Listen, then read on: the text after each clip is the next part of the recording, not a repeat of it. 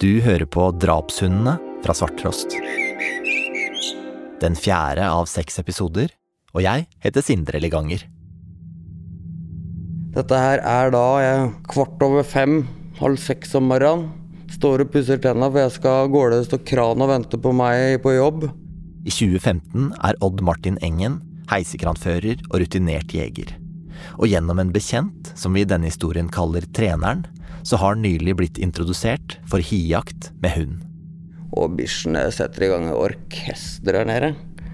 Og jeg, hva pokker er dette her for noe, liksom? Går ned og kjefter på dem og ber dem holde kjeft, da, og går opp igjen og starter dem igjen. Kommer ned trappa mi og ser en løpe forbi stuevinduet mitt. En mann som løp forbi? Mm.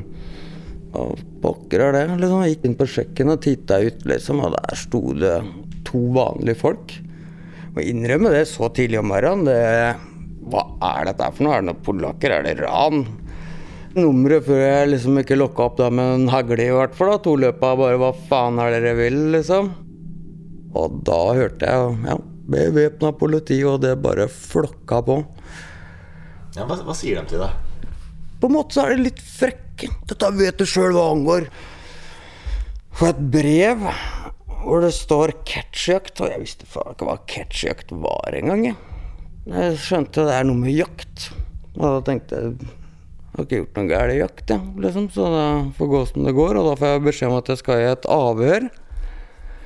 Og da var det vel 16 dager etter det jeg slapp ut.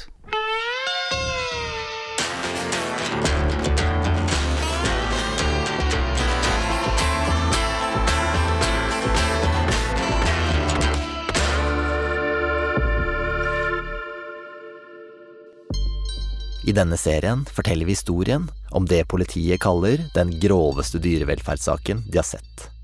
Om hunder som biter og dreper andre dyr, og eierne som trener dem til å gjøre det. I forrige episode brukte de to hovedmennene, som vi kaller jegeren og treneren, bikkjene sine til å gjennomføre deres første hundejakt på villsvin i Norge. Og en pærefull Martin Engen hjalp dem med å slakte det på et romjulsnachspiel. Fram til nå så har vi jo fulgt skogspolitimannen Sjur Stava i jakten hans på hundeeierne. Men nå skal vi slippe Sjur, og isteden rette blikket mot hundene og hva som skjer med dem. I Norge er det politiet som bestemmer om hunder som blir involvert i noe ulovlig, skal få leve eller dø. Og i denne saken er det ikke bare villsvin og grevlinger som skal miste livet. Etterforskerne på miljøenheten hos Økokrim har gått gjennom jaktvideoene de fant hos jegeren. De bestemmer seg for at de må se nærmere på hundene som setter tenna i villsvin og andre dyr. Så, den 2. desember 2015 slår politiet til. Mot jegeren, treneren og Martin Engen, som trodde han ble rana av polakker. Og hundene deres, til sammen 24 stykker, skal tas inn og undersøkes. Og det er én av disse hundene, Ivan, denne episoden skal handle om. Vi har jo fått vite litt om hva saken handler om, da. Denne her ulovlige villsvinjakten, og at de besitter noe bevismateriale knytta til både jakten og måten de trener litt hund på, da. I 2015 jobber Bjarne Stallemo med utdanning av politihunder på Politihøgskolen i Kongsvinger. For selv om det er mye skarpe folk i Økokrim, så har de ikke spesielt peiling på bikkjer der. Og på aksjonen skal det både håndteres og tas blodprøver av hundene før de skal flyttes til en kennel som Økokrim har leid, så her trengs det hjelp.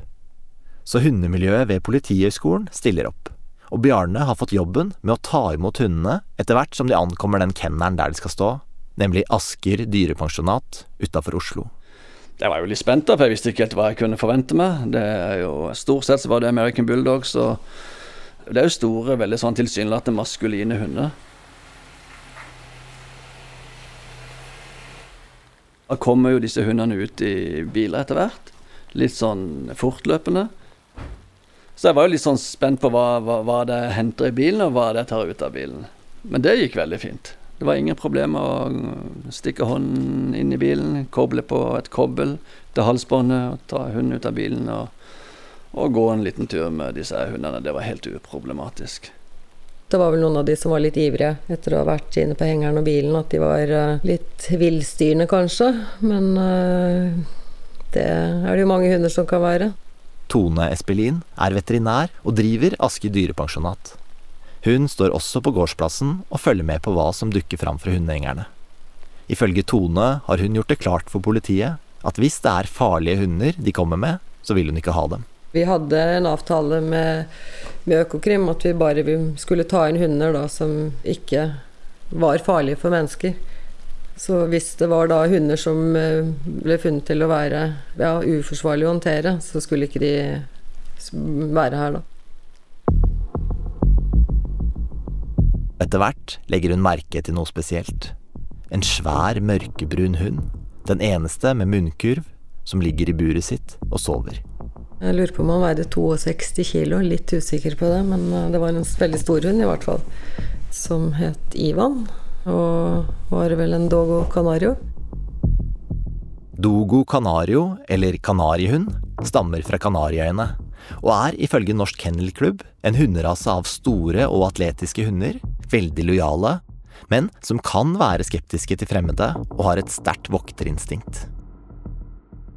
Altså Det er en svær, muskuløs hund. altså Musklene ligger nesten utapå på kroppen. altså Voldsomt hode. Altså Det er en svær, virkelig maskulin hund. Men den var vel neddopa, så vidt jeg husker. Fordi at den hadde visstnok utagert det voldsomt der han sto. Så den ble vel båret inn eh, på denne kennelen som han skulle til, og så lå den og sov eh, ut rusen, nær sagt, eh, på, ikke på cella si, men på stallen sin.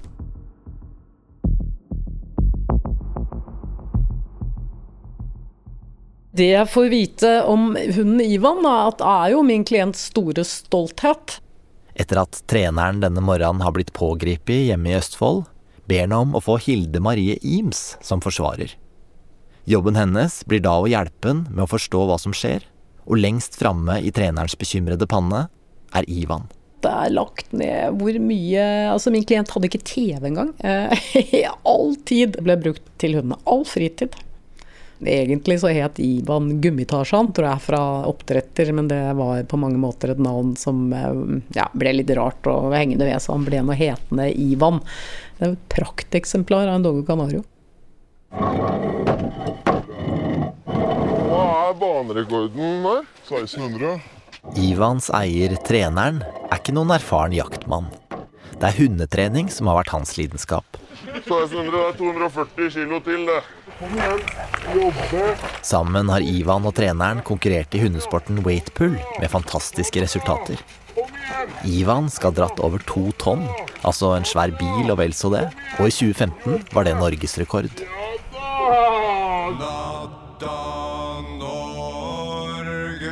Ivan er så sterk at NRK lager et innslag om ham, der han kalles Ivan den grusomme. Jeg fant Norges største muskelbunt i Indre Østfold. Ivan er ikke en kosehund som bare kan slippes på hundejordet i Frognerparken.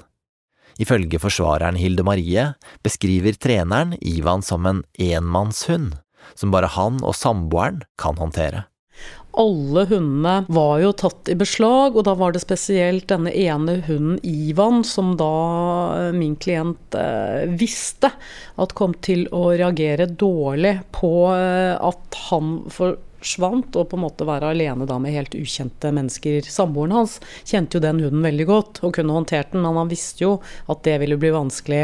Han hadde da sagt til politiet ikke sant, at her, han må håndteres med, med munnkurv på, så han gjorde alt til rette slik at ikke da det skulle oppstå noe risikosituasjoner.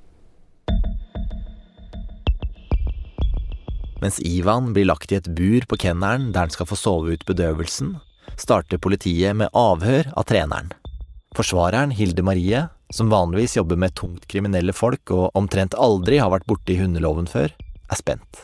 Jeg fikk høre at Økokrim var inne i saken, og, og min erfaring med de er fra alvorlig økonomi saker osv. Men så var de altså her inne i en sak hva gjaldt beslag av hunder. Så det gjorde jo òg at jeg eh, eh, var veldig forundret, da. Sånn at det var litt som en sånn Pandoras eske som åpnet seg etter hvert. På avhørsrommet får treneren og Hilde Marie beskjed om at de skal få se på en skjerm. Og så kommer det jo fort noen eh, filmer opp noen videoklipp som man ikke var mentalt forberedt på.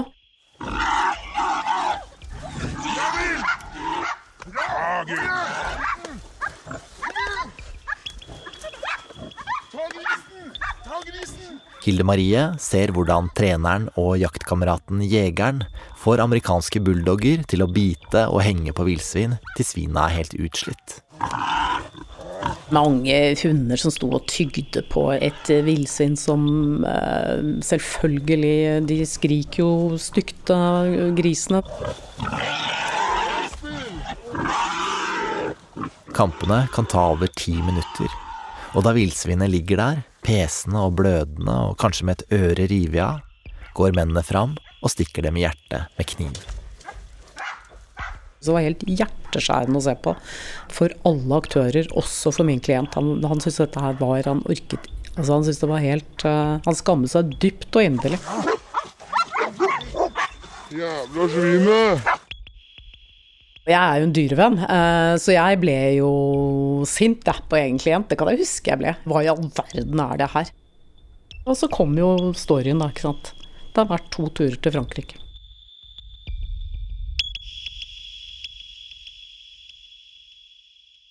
Treneren blir fortalt at på grunn av videoene der enkelte av hundene hans kan kjennes igjen, mistenker politiet at alle hundene hans er farlige, også de som ikke vises på jaktfilmene, som vakthunden og waitpool-mesteren Ivan. Mens treneren må sitte i varetekt, skal politiet teste hundene for å finne ut av hva som bør skje med dem. I dine øyne, hva, hva er en farlig hund? Nei, en farlig hund, det er jo en hund med brister, vil jeg si, i all hovedsak. Politihundetrener Bjarne Stallemo. Det er klart en hund som har sosiale brister, kanskje har disse nervene som eh, ligger litt tykt utapå hunden, som kanskje har litt skarphet i seg, forsvarslyst og slike ting, det kan jo være en farlig hund. Sosiale brister, hva, hva er det konkret? Altså Hvor trygg hun er på omverdenen, og særlig mennesker. Så mennesket er jo ikke noe naturlig hva si, for noe byttedyr for hund. Overhodet ikke. Altså Vi inngår jo i flokken, da. Hun er jo et flokkdyr.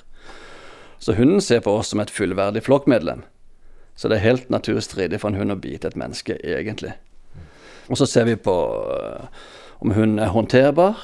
At vi kan ta på den, at vi kan uh, ta på potene, at vi kan se hunden inn i munnen og åpne leppene og se på tennene og sånne ting. Og en hund som har en sosial brist, da, når, den kommer i kontakt med fremmede mennesker, så vil han kanskje prøve å unngå fremmede mennesker. Hvis han blir tvinget inn i en kontakt, så vil du kanskje se at han buster seg litt. Hele kroppsspråket vil vise at han er usikker. Når du tar på han, så vil han kanskje knurre litt. Øh, si ifra, ikke ta på meg, ikke sant? Altså, han er bare veldig ukomfortabel med mennesker. Og en slik hund kan være skummel, fordi at eh, hvis den blir pressa inn i en sosial kontekst med en sånn attitude i forhold til mennesker, så kan jo den finne på å bite, da.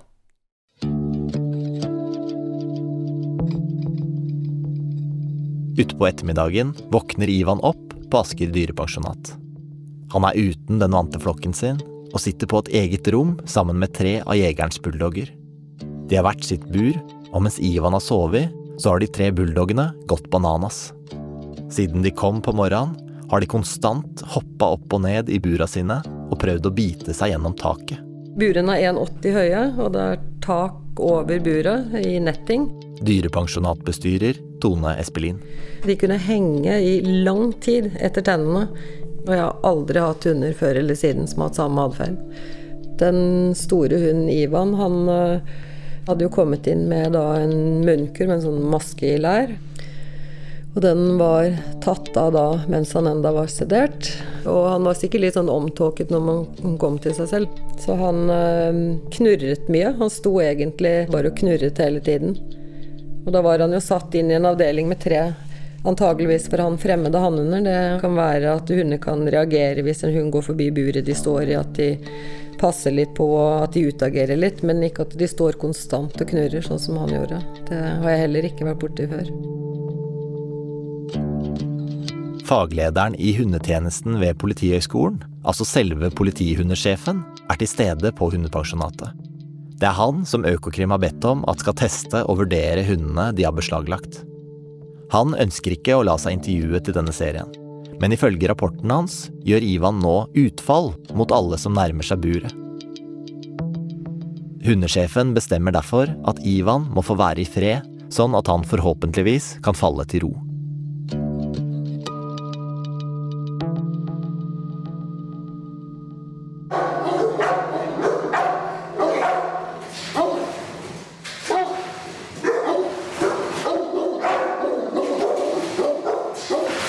Morgenen etter er hundesjefen tilbake på hundepensjonatet. Klokka er halv ni, og det som møter han, gjør at han finner fram telefonen og filmer.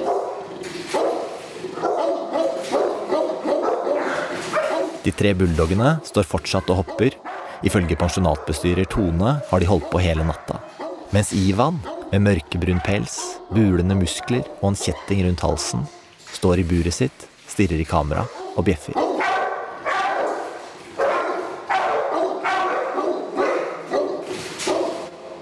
Jeg leser fra hundesjefens rapport. Rapportskriver gikk inn i rommet Ivan sto i, og forsøkte å nærme meg uten å ta blikkontakt med ham. Uansett hvordan jeg forsøkte å tilnærme meg hunden, gjorde den meget kraftige utfall. Hunden hadde høy hale og flekket tenner, samtidig som den støtet kraftig i nettingen. Jeg forsøkte også å bestikke Ivan med godbiter, uten at dette hadde noen effekt. Slik Ivan fremsto på dette tidspunkt, vurderte jeg det slik at det ikke på noen måte var tilrådelig å gå inn til Ivan eller å flytte han. Jeg går jo inn og ser på han, og han møter jo blikket mitt, og han knurrer. Han er veldig sånn på, da. Politihundetrener Bjarne Stallemo, som også har møtt opp på hundepensjonatet. Men han står der, han, han skuler på meg med et blikk, senker hodet og knurrer og er veldig ukomfortabel i situasjonen han er plassert i. Og han, det er jo helt åpenbart når jeg går bort til buret, så er det jo mer enn har fokus på. Så jeg opplever hunden som veldig ubehagelig. da. Jeg kunne jo aldri ha gått inn og henta den hunden. Det hadde jeg jo aldri tørt å ta sjansen på. Det ville jo vært dumskap. Hundesjefen skriver i rapporten at for å kanskje roe Ivan ned, forsøker de å flytte den til en luftegård ute.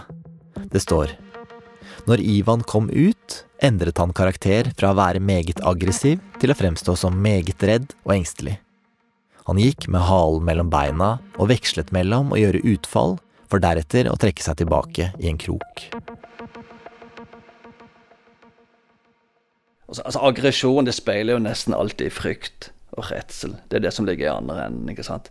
Så der ute så endra han litt karakter. da. Han var fremdeles ubehagelig, men han var også mye jeg kan si for noe reddere, da. Jeg tenker jo ganske kjapt at det altså, det er jo ikke noe utgang for denne hunden. Altså, Hvem skal overta en sånn hund? Dette er en voldsom hund. Den er jo stor. Og du klarer ikke altså, du kan ikke gå til en hundepsykolog og fikse dette her frykt og aggresjon det sitter for dypt i hjernen til at du kan ikke si for noe friskmelde en sånn hund. Det, det skjer ikke, det går ikke, det er umulig.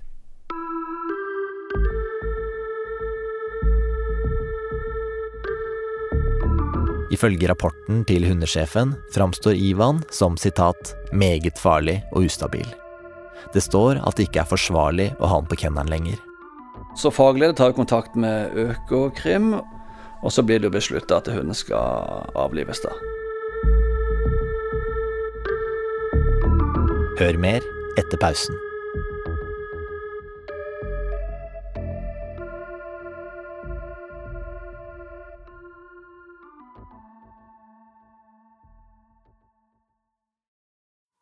Podkasten er sponsa av Gjensidige. Når jeg ellers oppsøker kunder, så har jeg jo fått en skadesak, men her var jo ingenting meldt. Det var jo ingen som hadde hatt tid til å melde inn sakene her, for det kom jo så brått på. Jula 2020 rammes Gjerdrum av et katastrofalt skred, og Monica Døviken får en telefon fra sjefen sin. Gjensidige vil ligge i forkant, og Monica og kollegaen Eina melder seg til arbeid. De ringer alle kundene i området. Og det verste som jeg syns, var jo det der med uvissheten, da. Hvem er det vi ringer? For vi visste jo ikke hvem som var tatt av skredet. Og møter da folk som har mista hjem og eiendeler, og noen som dessverre mista familien sin. Og det var jo tunge samtaler, og vi satt jo døgnet rundt i de første dagene der. På den andre sida av telefonlinja møter de mennesker som står på bar bakke. Kundene er jo ikke grådige der. Og da har vi liksom eh, vært litt foroverlent. om Ja, men dere trenger kanskje klær. Kanskje barna deres har noen hobbyer som de driver med. Det er veldig mange unge barn i dag som gamer, da. Trenger dere noen nye ting til det? Møbler, sånn at dere kan føle at dere har et lunt og godt hjem, da. Over et år har gått, men ulykka preger fortsatt hverdagen til de ramma. Eh, folk som ikke har eh, kanskje jobba med det, som ikke har eh, bodd i det området eller kjenner noen som har vært i skredet, da. De har vel kanskje begynt å glemme det litt, men eh, vi har jo fortsatt saker som vi ikke har avslutta. Og så har vi jo familier, da, som har berørt oss, som vi har snakka med. Og dem tror jeg aldri vi kommer til å glemme. Gjensidige har sikra liv, helse og verdier i over 200 år. Vil du bli en av oss? Sjekk ut gjensidige.no jobb.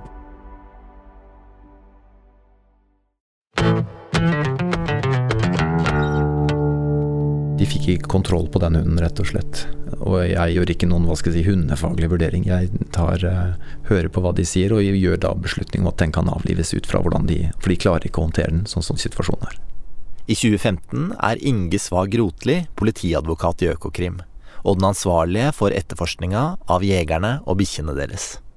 I denne episoden retter vi blikket mot hvordan politiet behandler hundene. Og det er Inge som bestemmer at Ivan må avlives. Å avlive hunder på stedet. Hva er det som skal til for at politiet kan gjøre det? Nei, det skal mye til. Eh, og det var overhodet ingen eh, ønskesituasjon. Vi ønsket å en, en, gjøre grundige tester av hunden og ha god kontroll på situasjonen, men vi fikk ikke kontroll på den hunden.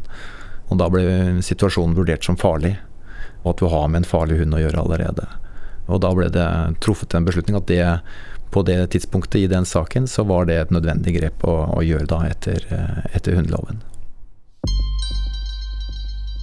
I Norge så har vi en egen lov, den såkalte hundeloven, som bestemmer hvordan man skal holde hund her i landet. I loven er det et eget kapittel om hva politiet kan gjøre med det som kalles problematisk hundehold, og der står det at farlige hunder skal avlives eller føres ut av landet. Nå blir vi litt tekniske her, men jeg skal prøve å gjøre det så forståelig jeg kan. For vanligvis når politiet mener at en hund er farlig, må de først gjøre et formelt avlivingsvedtak. Så skal hundeeieren få beskjed om det, sånn at det kanskje kan klages, og så tas det videre derfra. Og imens får den mistenkte hunden leve videre. Men hundeloven gir også politiet mulighet til å ta livet av hunder med en gang.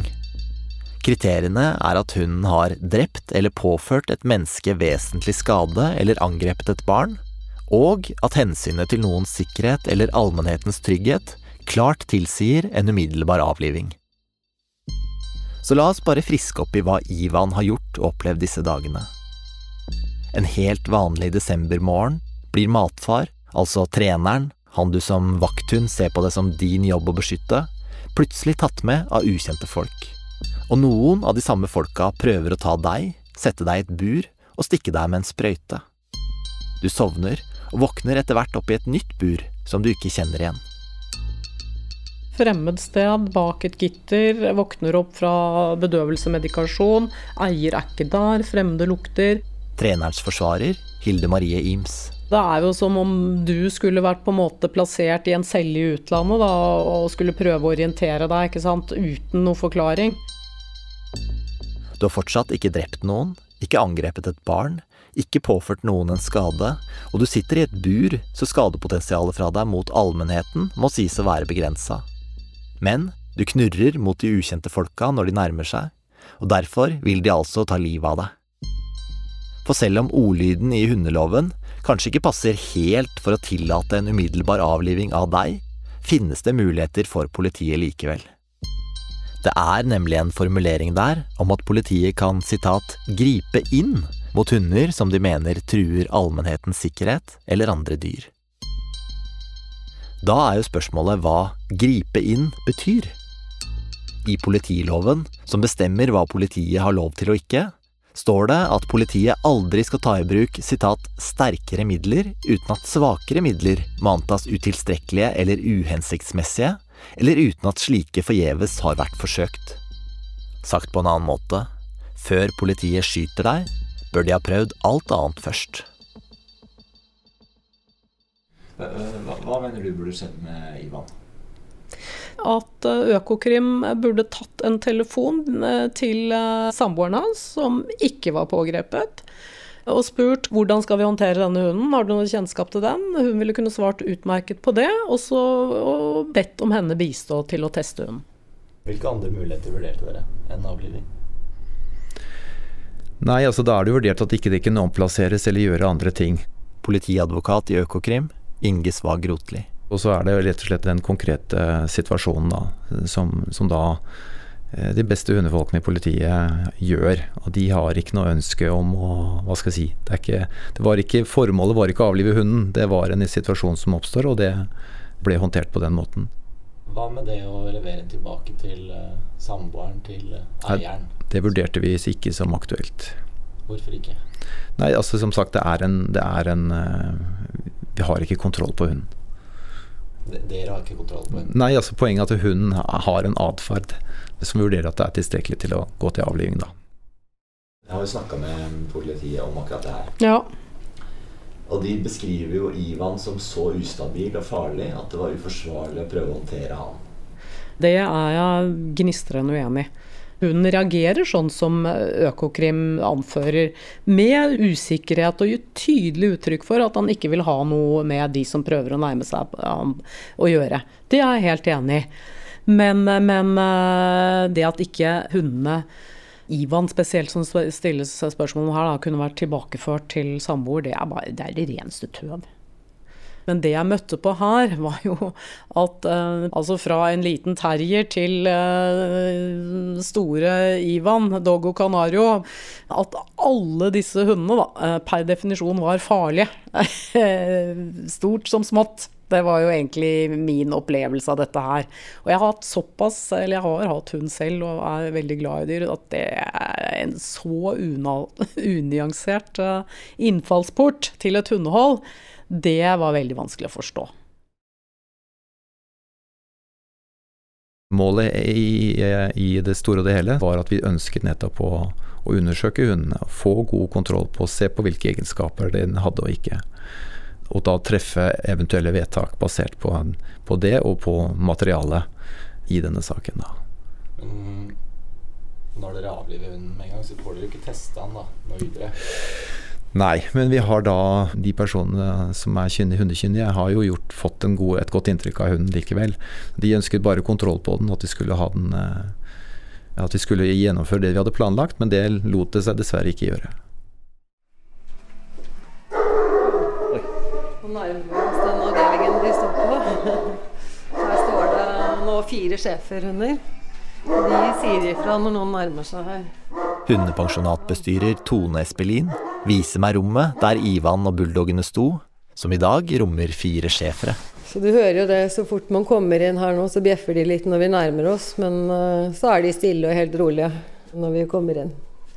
Da blir du bare glad. Ja, fine jenter og gutter. Så det, når det var uh, bulldoggen og Ivan var her, så var det litt annet støynivå. De var ikke så lette å snakke til, det var vanskelig å få kontakt med dem. Så det er litt roligere her nå. Fra buret der Ivan sto, er det en luke som leder ut til en luftegård. Og etter å ha fått utdelt sovemedisin gjennom fòret, ble Ivan sluppet ut dit. Hvor var det Ivan ble avlivet, da? Her. Her lå han. Så han lå helt inntil gjerdet her sånn. Og så med hodet ned her, da, så sto han som skøyt rett, liksom helt kloss på på andre siden av gjerdet. Så da lå han jo og sov, så det var helt rolig. Så jeg tror ikke han merket noe.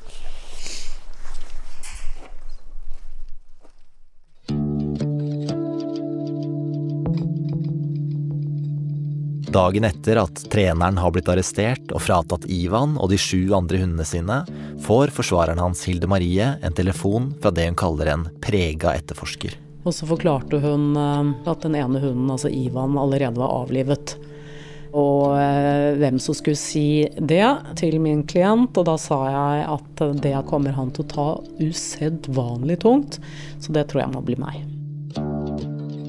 Så da gjorde jeg det. Så det husker jeg òg veldig godt, da. Fordi da fikk jo denne saken eh, ekstremt store konsekvenser følelsesmessig for min klient, fordi at hans eh, Kanskje disse Frankrike-turene da, som ikke hadde noe med denne hunden å gjøre, som var, bare var brukt til weight pull og, og eh, ble så vel ivaretatt på alle mulige måter at eh, den ble avlivet umiddelbart uten uh, hans vitende, ja, det var veldig vanskelig. Veldig vanskelig.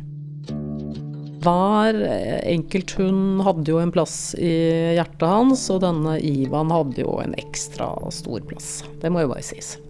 Altså, det er som et familiemedlem, rett og slett.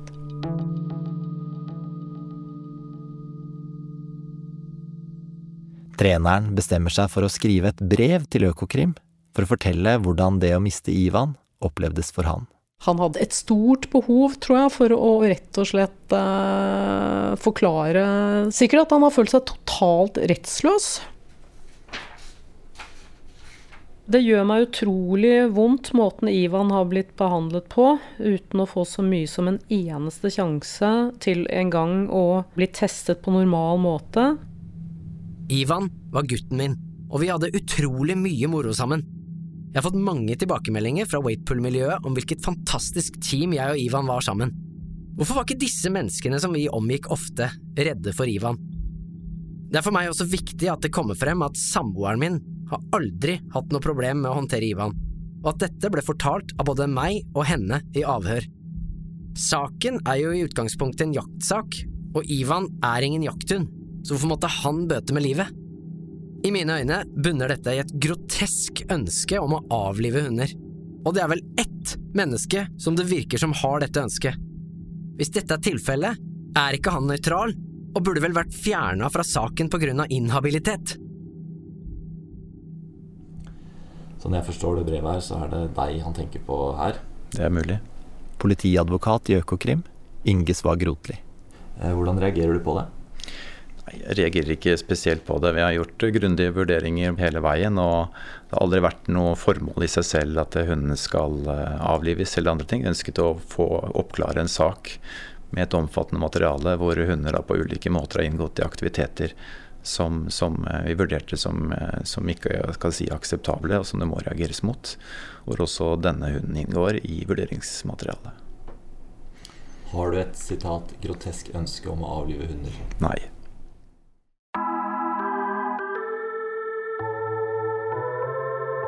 Klagen til treneren på avlivinga av Ivan blir etter hvert behandla, denne gangen av Politidirektoratet. Og de kommer også fram til at å prøve å flytte eller tilbakeføre Ivan ikke ville vært forsvarlig. Når jeg eh, tenker over det nå, så blir jeg eh, For det er jo alltid en fare å bli subjektiv, ikke sant. Se saken bare med sin klients øyne. Forsvarer Hilde Marie Ims sitter på kontoret sitt med brevet til treneren på pulten foran seg. Men jeg gnistrer en uenig i, i, i, hvordan denne prosessen har vært. Spesielt hva gjelder Ivan, så hadde han ikke engang tilsvarsrett før hun ble avlivet. Han signerer jo her med 'sønderknust hundeeier'. Ja. Jeg tror eh, han aldri vil komme seg over det. Han føler eh, skyld, og han øh, føler nok på en stor sorg. Men han er òg, vil jeg tro, inderlig forbannet. Ja, det ville jeg vært.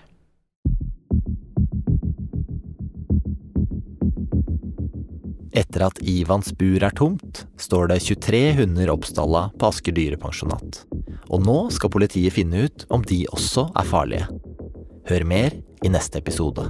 DH1 Kajsa. Det må jo være hundens syke som er i fokus her, og ikke antall kilo eller eh, fysisk styrke. Jeg gjør meg tanker at det, det er rett og slett bare for å straffe de tiltalte. Straffen skal jo ikke gå utover uskyldige hunder.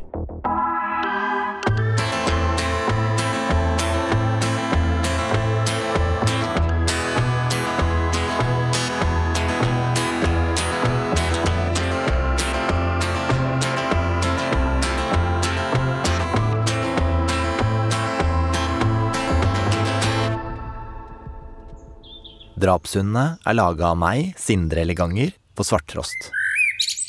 Neste episode kommer om en uke, men hvis du vil høre hele serien med en gang, kan du trykke på abonner-knappen i Spotify eller der du hører podkast. Da er du samtidig med å støtte alle oss her på Svarttrost, sånn at vi kan lage flere podkastdokumentarer. Så hvis du liker denne serien og kan tenke deg mer, så blir vi veldig takknemlige om du abonnerer. Konsulent var Synva Hjørnevik. Musikk av Hans Kristen Hyrve. Innlesning av Jon Arne Bjørnstad. Forredigering av Tage Tollefsen. Sluttmiks av Øystein Vesaas. Og redaktør er Kari Hesthamar. Jeg har forsøkt å nå jegeren gjennom direkte henvendelser på telefon og sosiale medier, gjennom venner, bekjente og gjennom forsvareren hans, men han har ikke svart. Treneren og samboeren hans ønsker ikke å medvirke, og i jaktfilmene er stemmene deres endra. Tusen takk til Fritt Ord for støtte, og til deg for at du har hørt på. Serien er fra 2022, og vi høres igjen neste uke.